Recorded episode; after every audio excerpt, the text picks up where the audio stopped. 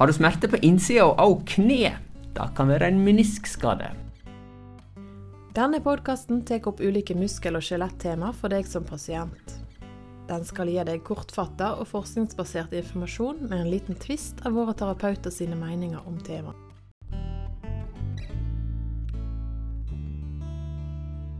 Velkommen til episode 18 av Syriakspodden. Jeg heter Edgeir, Og jeg er Sindre. Og du er klar for episode 18? Ja, jeg er klar for episode Ashan. Kan ikke du si A- KJ, så va vanlige folk? Achan. 18, ja. Flott. I dag skal vi ha eh, snakke om en eh, voldsomt vanlig problemstilling i kneet som rammer både den unge og den gamle, og som eh, er omdiskutert. Og det er nemlig mm, den mediale menisken, som det heter på eh, fagspråket. Eller menisk i det hele tatt. Eh, Medialt da betyr jo at det er på innsida, og lateralt da betyr jo at det er på utsida. Og eh, de aller, aller fleste meniskskadene de er jo på innsida av- kneet. da. Og dette er jo en eh, type smerte du har gjerne når du roterer litt i kneet. Og det er jo egentlig litt interessant, for eh, kneet kan egentlig ikke rotere spesielt mye. Det er fordi det er et hengsleledd. Det går stort sett bare rett fram og rett bak, men det kan rotere lite grann det. Og da er det på en måte menisken som holder igjen den rotasjonsbevegelsen. Og til å belyse meniskskader, så har vi fått eh, besøk av eh, professor og ortoped Eirik Solheim. Velkommen! Tusen takk. Veldig kjekt å være her igjen. Ja, og du eh, Eirik Johan var jo med på en episode her tidligere i, i, eh, på slutten av sommeren. Eh, Så ja, det er jo kjekt å kunne si velkommen tilbake. Tusen takk for det. Igjen veldig hyggelig å være her. Ja, og Den gangen snakket vi jo litt om eh, dette med operasjon i forhold til eh, såkalt konservativ behandling, eller ikke-operativ behandling, da, på skader generelt. Og, og vi fokuserte vel en del på skulderen, da. I dag skal vi gå litt mer inn på dette som har med meniskskader å gjøre. Men før vi går inn eh, på skader på menisken, så må vi jo vite hva en menisk er for noe. Det er gjerne ikke like klart for alle. Kan du forklare det til oss? Ja, det er to uh, menisker da, i hvert eh, kne. Som der var inne på, en på innsiden og en på utsiden. Og det er fiberbruskskiver som eh, har en eh, ja, en blanding av halvmåne, eh, mest på medialsiden eller innsiden, og en mer rund struktur da på yttersiden. Og de har jo som oppgave å ta opp støt, fordele eh, belastning utover eh, eh, leddendene, og eh, virker også å stabilisere eh, eh, kneleddet. Sånn at eh, særlig i forbindelse med andre typer skade, være seg båndskade, så vil meniskskade gjøre kneet enda mer ustabilt og, og, være, og gjøre det mer utsatt for uh, slitasjeskader over, over tid. Ja, for en menisk den gir jo på en måte en stabilitet. Ja. Det er vel jobben til menisken.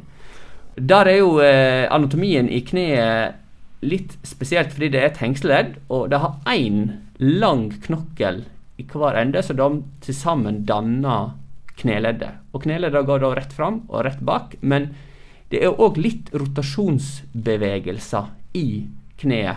For eksempel, et eksempel er jo eksempel hvis du skøyter på eh, går på skøyter, eller du skøyter på ski. Da vil det være en liten rotasjon i kneet på hvert eh, skøytetak. Og der er det da den utside og den innside menisken som måtte holde disse to lange knoklene på plass i forhold til hverandre. Og det er vel kanskje nettopp i sånne bevegelser du får en skade òg. Eh, i, eh, I menisken din. Eller hva tenker du om det, Erik? Jo, iallfall ved mer akutte skader så er det eh, oftest en komponent av, av rotasjon. da. Og eh, Men det er nok avhengig i stor grad av hvor akutt eh, skaden er, og hvor frisk menisken er i utgangspunktet. Det skal mindre til å, å få rifter i en, i en menisk som er eh, ikke helt ung og, og ikke helt eh, frisk. da. Ja, for det er på en måte to typer skader. Det er enten den akutte riftskaden, eller så er det på en måte en slitasje over tid. Ja, man kan si det sånn. Iallfall to ytterligheter. Ofte så er det vel blanding av disse eh, faktorene. Men det er klart hos de helt unge så er det jo nesten alltid, eller nær sagt utelukkende, så, så er det akutte traumatiske skader. Mens hos eldre så kan det være kombinasjoner. Men det er jo ikke slik at selv om du er 70 år og får en meniskskade, så er det ikke sikkert at den alltid eh, er en, utelukkende en degenerativ menisk. Også en 70-åring kan være uheldig å skade kneet sitt på en tur og få en, en, en samme type skade som en ungdom kan, kan få. Hvordan er blodgjennomstrømningen i en menisk? Har en menisk evne til å reparere seg sjøl med blodtilførsel? Eh, litt avhengig av hvordan, hvor skaden sitter og hva slags type skade. Hvis, hvis man får festet eh, eh, På en måte puslet bitene sammen og, og, og festet de med nær sagt med nål og tråd eller annet eh, fiksasjonsutstyr, så er det en viss evne til å, å, å reparere seg, men ikke uten det. og eh, Dess yngre individet er, dess større vil evnen til eh, reparasjon være. Det går på, på mengde av stamceller, det går på sirkulasjon. Og eh, menisken blir jo stadig mindre gjennomblødd ettersom årene går. Da, sånn at en større del av menisken vil være vaskularisert hos, hos veldig unge mennesker eh, versus eh, eldre. Eh, er det sånn at eh, at eh, hvis du lurer på om du har en meniskskade, eh, så kan du vel egentlig gjøre en ganske enkel liten test hjemme på eh, stovegulvet. jeg har en sånn hjemmelaga enkel test der du står på én fot, og så eh, roterer du på en måte bekkenet helt til den ene sida og helt til den andre sida, fram og tilbake. Eh, hvis du da har ilt i, eh, i, kneet, så er sjansen ganske stor for at det er en eh, slags meniskskade. I hvert fall hvis den er, smerten er på innsida. Og Det er vel det som en kaller diskotest? Ja, mm. det er det. da. Det er rett og slett en slags ja, Danser disko på én fot. Ja, så hvis du har ilt når du danser, det jo, kan jo være et problem for mange, da. Men uh, har du ilt når du danser, så kan det lett være en, mm. en meniskskade, da. Men eh, har, ha menisken eh, nerve i seg? At, eh, kan du kjenne smerte bare av at du har rift i menisken, eller må da skaden trekke mot en annen struktur men er nerve i seg? Ja, jeg tror uh, Vi snakket litt om det her før, før vi startet den podkasten. Og jeg tror at uh, at smerteutløsning i forbindelse med eh, meniskskade, det er stort sett fra kapselen. At du får eh, deler av menisken som haker seg opp og, skaff, og, og skaper drag i, i, eh, i, i, menisken. At det er det som gir smerte. Og, og i perioder så har vi jo spesielt tidligere gjort en del meniskkirurgi i lokalbedøvelse, hvor vi satte bedøvelse i huden, der hvor vi skulle lage innstikksåpningene og litt inn i leddet. og Det som var i leddet, det ble ofte skylt litt ut etter hvert. da. Sånn at uh, da merket vi stor forskjell når vi hvis vi gjorde en meniskreseksjon og klippet i, i, i, i menisken, eh, så eh, var det sjelden at pasienten reagerte på det. Men når vi nærmet oss leddkapselen og kanskje fikk litt drag i kapselen idet vi skulle klippe av en liten bit, så, så var det ofte tydelig at, at, pasientene kjente det godt. Og, og, Det samme kan man se hvis man gjør dette i, i lokalbedøvelse eller noe som ligner på det, og har en meniskkrok og, og, kjenner på menisken og derved skaper et drag i kapselen, så vil ofte pasientene si au. I den grad det gjøres i lokalbedøvelse. Da. Det var nok mer populært i en periode før disse mer moderne narkoseformene som såkalt TIVA, total intravenøs eh, anestesi, eh, ble populære. Ja, og vi var vel så vidt inne på det at, eh, at eh, menisk eh, kan komme gjerne blant unge som mer traumatisk, mens hos eldre så er det gjerne mindre traume som skal til, eller at det kommer mer som en del av en slitasje eh, generell slitasje av brusken i, i, leddet. da. Men eh, eh, hva type skader er det som finnes i, i menisken? Er det, er det, de samme skadene en ser hele tida, eller hvor, hvor, i menisken er det skaden kan komme? Ja, det er jo mange måter å, å klassifisere meniskskader på. En, en form er det som du var inne på, at du kan sette opp to ytterligheter med de rent traumatiske. Type 15 år gammel fotballspiller som planter knottene i gressmatten og får en rotasjon og, og ryker medial menisk. Versus uh, nær sagt gamlefar som, uh, som hvor aldersforandringer gjør seg gjeldende i hele kneet. Da ikke bare i menisk, men også i leddbrusk, hvor vi kan si at dette er mer en ledd i en generell eh, artroseutvikling eller slitasjegikt. Så er det nok eh, atskillige mellomformer. da. Dette går jo mer på genesen, hvordan det oppstår, og så kan du klassifisere det ut ifra lokalisasjon. Medialt, lateralt, fortil, baktil, eh, kapselnære og, eh, og motsatt. Og, eh, og, eh, det kan være arkitekturen eller formen på riften. Vi kan skille mellom bøttehankskader, altså langsgående rifter. Vi kan ha skrårupturer igjen med det vi kaller en pendulerende flik, altså en flik som har løsnet og ligger og, og, og kan glippe frem og tilbake i, i, i kneet osv. Så, videre. så Så det er, eh, det er, mange måter å klassifisere det på. I de senere år så har vi også blitt mer oppmerksom på de rupturene i menisken som sitter i selve rotfestet, enten fortil eller baktil, som har eh, veldig store konsekvenser for meniskens funksjon. Hvis det ryker i det f.eks. bakre festet i medial menisk, så mister i grunnen hele menisken sin funksjon. For det har ikke noe den, Menisken er ikke lenger spent opp. Den sitter bare fast i ene enden og mister eh, således mesteparten av sin funksjon. Mm. Er det sånn at eh, eh, hvis du har en skade i eh, korsbåndet som påvirker da menisken og altså Jeg har lest at eh, det er sjelden du har en eh, korsbåndskade alene. Den påvirker som regel òg menisken. Det fins en sammenheng mellom de to. Det er ganske vanlig med fremre korsbåndskade og lateral eh, meniskruptur. Det er ofte i bakre del av, av eh, menisken. Og akkurat den type meniskskade har nok kanskje en viss evne til å å ordne seg selv, hvis ikke det er altfor store skader. Og Det er nok det at du Selve traumet med masse vekstfaktorer, du har masse stamceller pga. blødning og beinmarg eh, som flyter inn i ledd i tilknytning til boring av, av kanaler når, når, man skal gjøre en rekonstruksjon. Eh, for ofte så oppdages jo disse sånn, iallfall endelig. Eh, selv om man kan ha mistanke ut ifra MR, så er det ofte i forbindelse med eh, kirurgien at man oppdager disse skadene.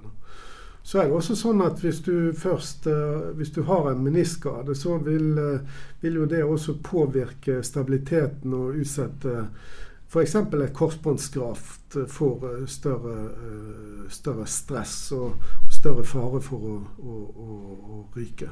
Graft, det er altså da en rekonstruksjon av korsbåndet ja. som er tatt en annen plass i kroppen. Ja. Men uh, det jeg lurer litt på, det er jo da du har uh, vondt i kneet ditt, som regel på innsida, og du har kanskje til og med hatt et, et traume eller fall, og du har mistanke om at det er menisk, men det er jo ikke noe vi kan se, og det er ikke noe vi kan trykke på. Så da må vi vel ha et bilde da, av noen sort. Og um, røntgen er jo uaktuelt. Da må vi vel øve på en MR da, for å få vite sikkert hvordan dette ser ut.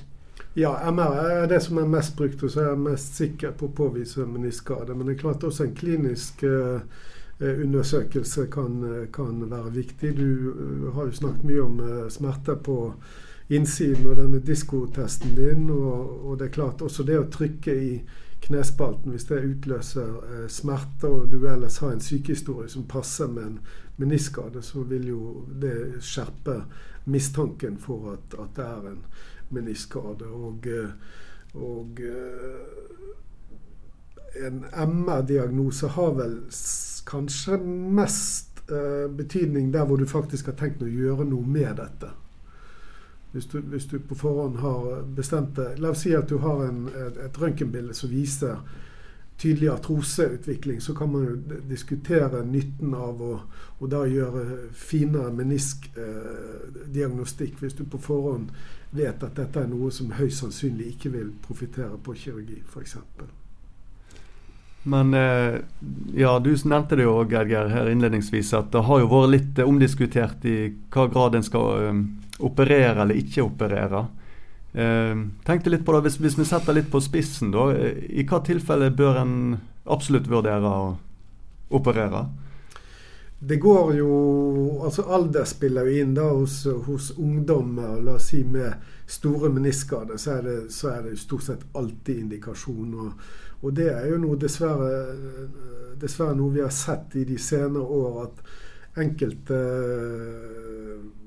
Jeg skal ikke nevne navn her, men enkelte helsearbeidere har, har, fått det for seg at, at ingen meniskskade skal eh, opereres. Så vi har jo sett skrekkeksempler på ungdommer med låste knær forårsaket av bøttankrupturer går i uker og nærmest månedsvis med dette uten at det tas affære, fordi at man har fått forståelsen for at meniskkirurgi, det har vi sluttet med. Det kommer vel litt an på hva du skal bruke kneet til, da. Hvis du er 65 år og skal sitte og uh, fiske i en fiskebåt, så trenger du ikke nødvendigvis et uh, superstabilt kne. Men er du 15 år og har tenkt å spille fotball, så er det kanskje litt viktigere. Men du skal inn og ut av båten, vet du. Ja, du skal det. Du skal jo dra storfisken inn òg, det er sant. Du, du har fiska for lite, Evgen. Ja, det er for lite. Det er for dårlig. Nei, men jeg tenker at, eh, at en må se an selvfølgelig hva en skal bruke kneet til. Og så er det jo òg eh, viktig Eller annen, et annet aspekt er jo selvfølgelig òg eh, hvor sikker kan du egentlig vite på hvor stor skaden er, da, eh, før du egentlig har gått inn og sett. Altså, eh, er det ofte du ser eh, MR som faktisk ikke viser meniskskade, og så kommer du inn i kneet, og så er det en stor meniskskade. Eller omvendt, at det er egentlig ikke er så stor som en viser på MR. Hvor sikker er egentlig MR?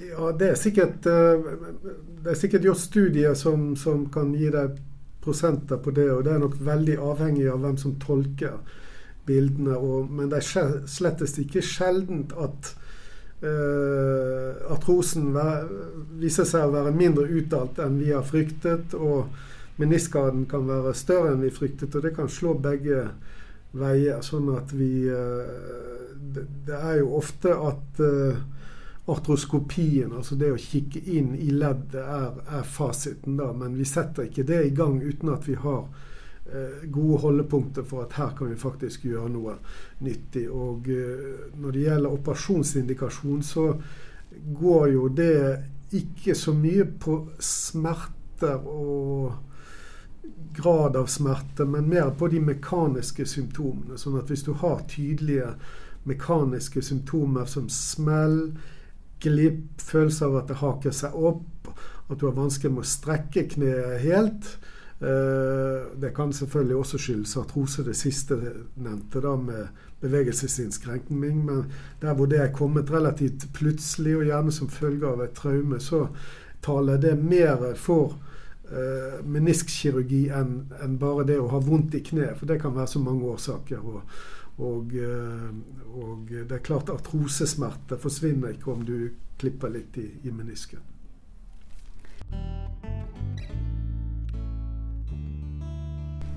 Eh, når vi er inne på dette med behandling av eh, plagen, så er det jo eh, sånn at eh, mange i fysioterapimiljøet vil eh, ja, snakke høyt og, og sterkt for trening. Men ikke, du kan jo ikke trene menisken. Den er jo ikke trenbar.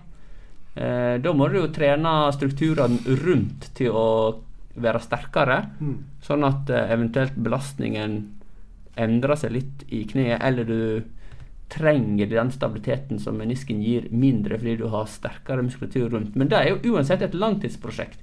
Mm. Hvis du har ilt her og nå, så, så, så må du trene minst i tre måneder, kanskje seks måneder, før du kan få noe stor nytte av det.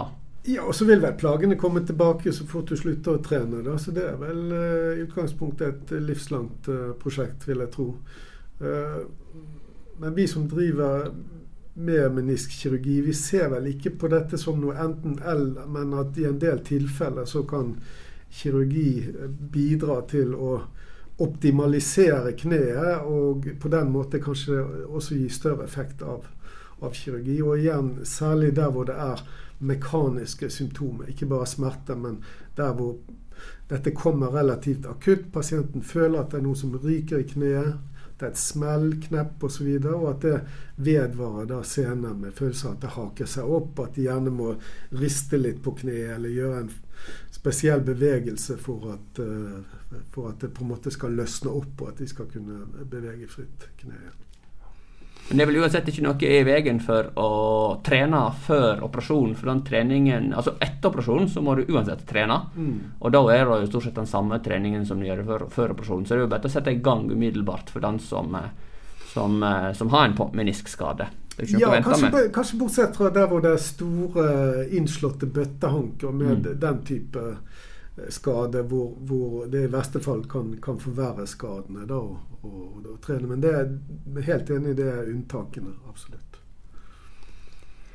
Ja, eh, tenker òg litt på det med, med forebygging eh, av meniskskader. Eh, har du noen tanke om det? Vi har jo egentlig snakket litt om det med trening. da. Det er jo noe som uansett eh, kan være med å holde et kne sterkt. Men eh, er det andre eller for å si sånn, Har du noen tanke om risikofaktorer da, for å få meniskskader?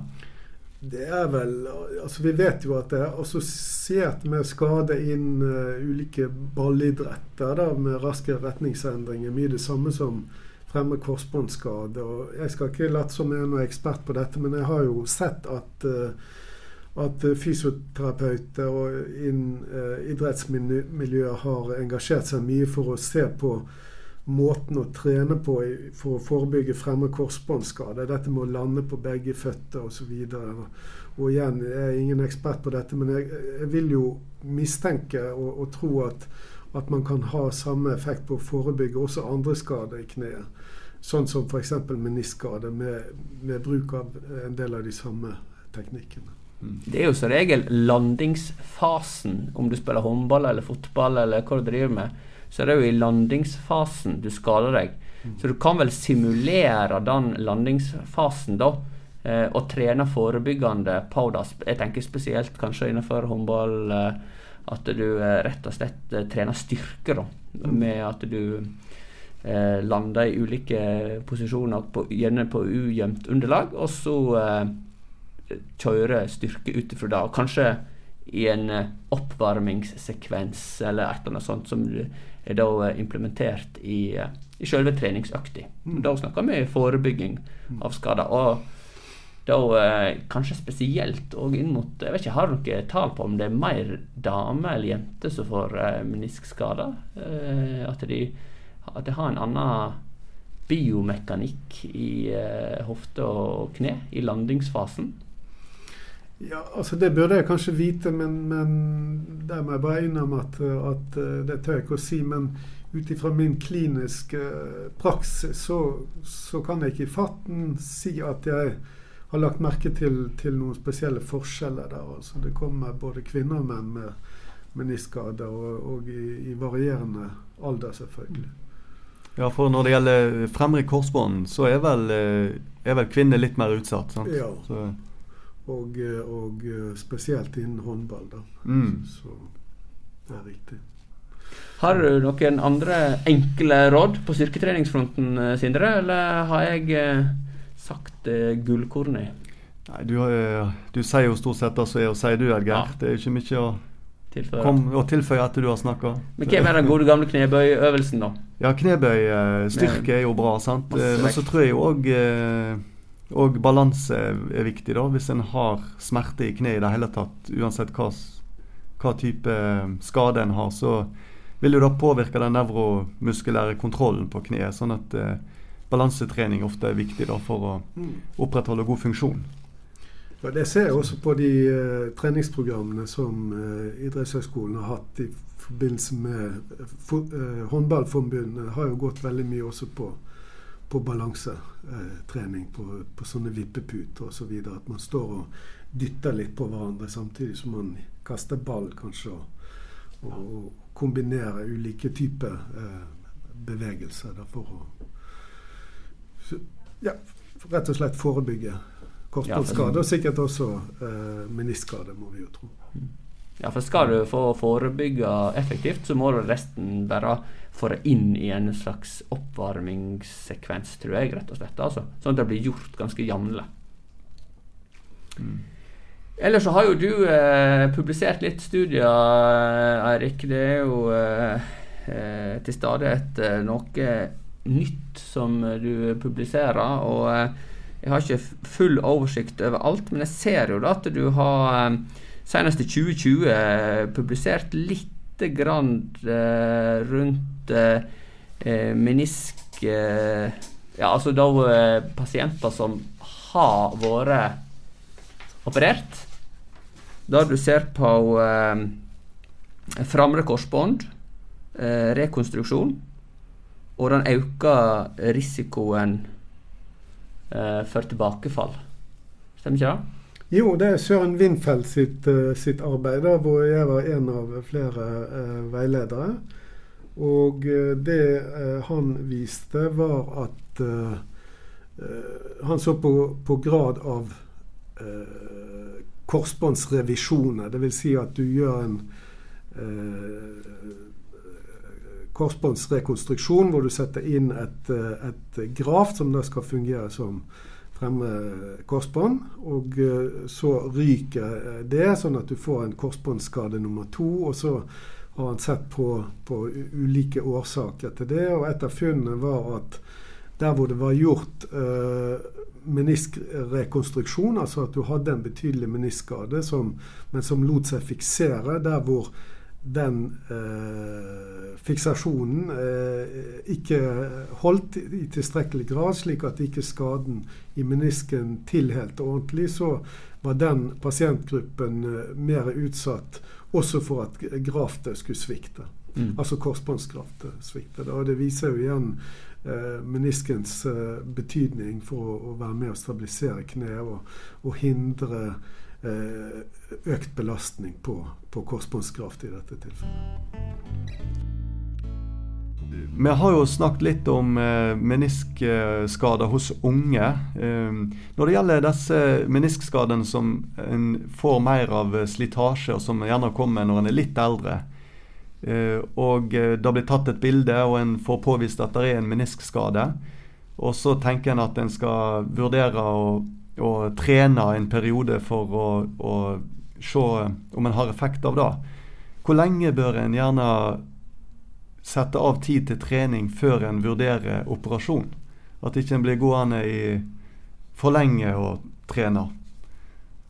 Godt spørsmål. Ehm, det er jo litt avhengig av utgangspunktet. Hvis, hvis det er gjort en røntgenundersøkelse som viser at det er eh, betydelig artrose, så vil vel kirurgi ikke hjelpe, enten det gjøres umiddelbart etter, eller etter et år. sånn at da er det vel mer eh, kanskje å overbevise pasienten om at her har ikke det noe hensikt.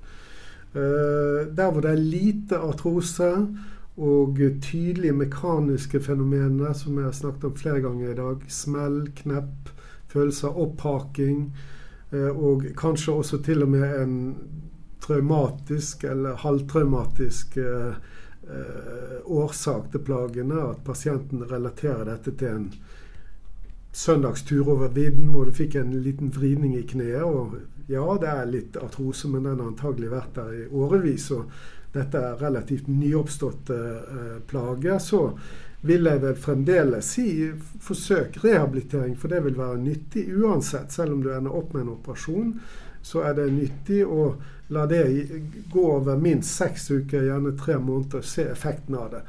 Selvfølgelig, hvis dette her ikke hjelper i det hele tatt, og fysioterapeuten har sagt gir opp, og pasienten er frustrert og plagene fortsetter, så kan man vel sette strek eh, eh litt i dette, da. Men så lenge det er fremgang å spore, og, og pasienten er fornøyd, og fysioterapeuten er fornøyd, så, så, vil jeg jo heller fortsette også utover tre måneder, hvis det ser ut som dette går går riktig vei. Spesielt der hvor ikke det er mye mekaniske symptomer. Og eh, helt til slutt så vil jeg vel si det at det at ikke trening eller rehabilitering, eller kall det fysioterapi, eh, ikke hjelper, så betyr jo ikke det nødvendigvis at, at kirurgi vil hjelpe. Ofte kanskje tvert imot. Sånn at det at ikke fysioterapi har hjulpet, er ikke noe veldig godt argument for i stedet gjøre en operasjon hvis det ellers ikke er god indikasjon. Ja, så oppsummert så eh, kan vi da si at eh, smerte på innsida av kneet det er ofte en menisk eh, vi snakker om da. Og det er noe som kan ramme både unge og litt eldre på litt forskjellig måte. Hvis en har mer sånn fysiske obstruksjoner med knepping og låsning, og, så bør en gjerne vurdere operasjon litt, litt tidligere enn hvis en egentlig kan bevege kneet normalt den da gjerne må trene bortimot tre måneder pluss-minus, alt etter hvordan uh, utviklingen er. Er det noe mer da som jeg skulle tilføyd? Jeg ville bare sagt helt til slutt at, at så må man også tenke på at, at, den treningen vil jo antagelig vare, om ikke nødvendigvis livet ut, så iallfall så lenge man ønsker å opprettholde det funksjonsnivået. Sånn at uh, for enkelte er det nok en sånn kortslutning der at det bare trener i tre måneder, og så kan du ta det med ro resten av livet. Sånn er det jo selvfølgelig ikke. Det var, tror jeg var et godt tips som eh, er verdt å ta med seg. Trening er altså da ferskvare. Ja.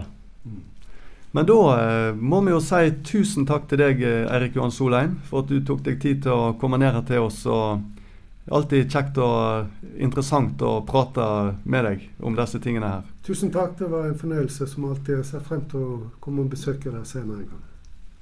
Ok. Takk for i dag òg, Edgar. Takk for i dag. Takk for i dag. Takk for at du hørte på Syriakspodden. Håper du har fått svar på noe av det du lurte på. Gi oss gjerne en tilbakemelding på hva du syns, og om du har temaer du kunne ønske at vi tok opp. Edgeir Gunvordal og Sindre Romerheim er begge spesialister i både muskel- og skjelettfysioterapi og diagnostisk ultralyd, og jobber til daglig på Syriaks klinikk i Bergen.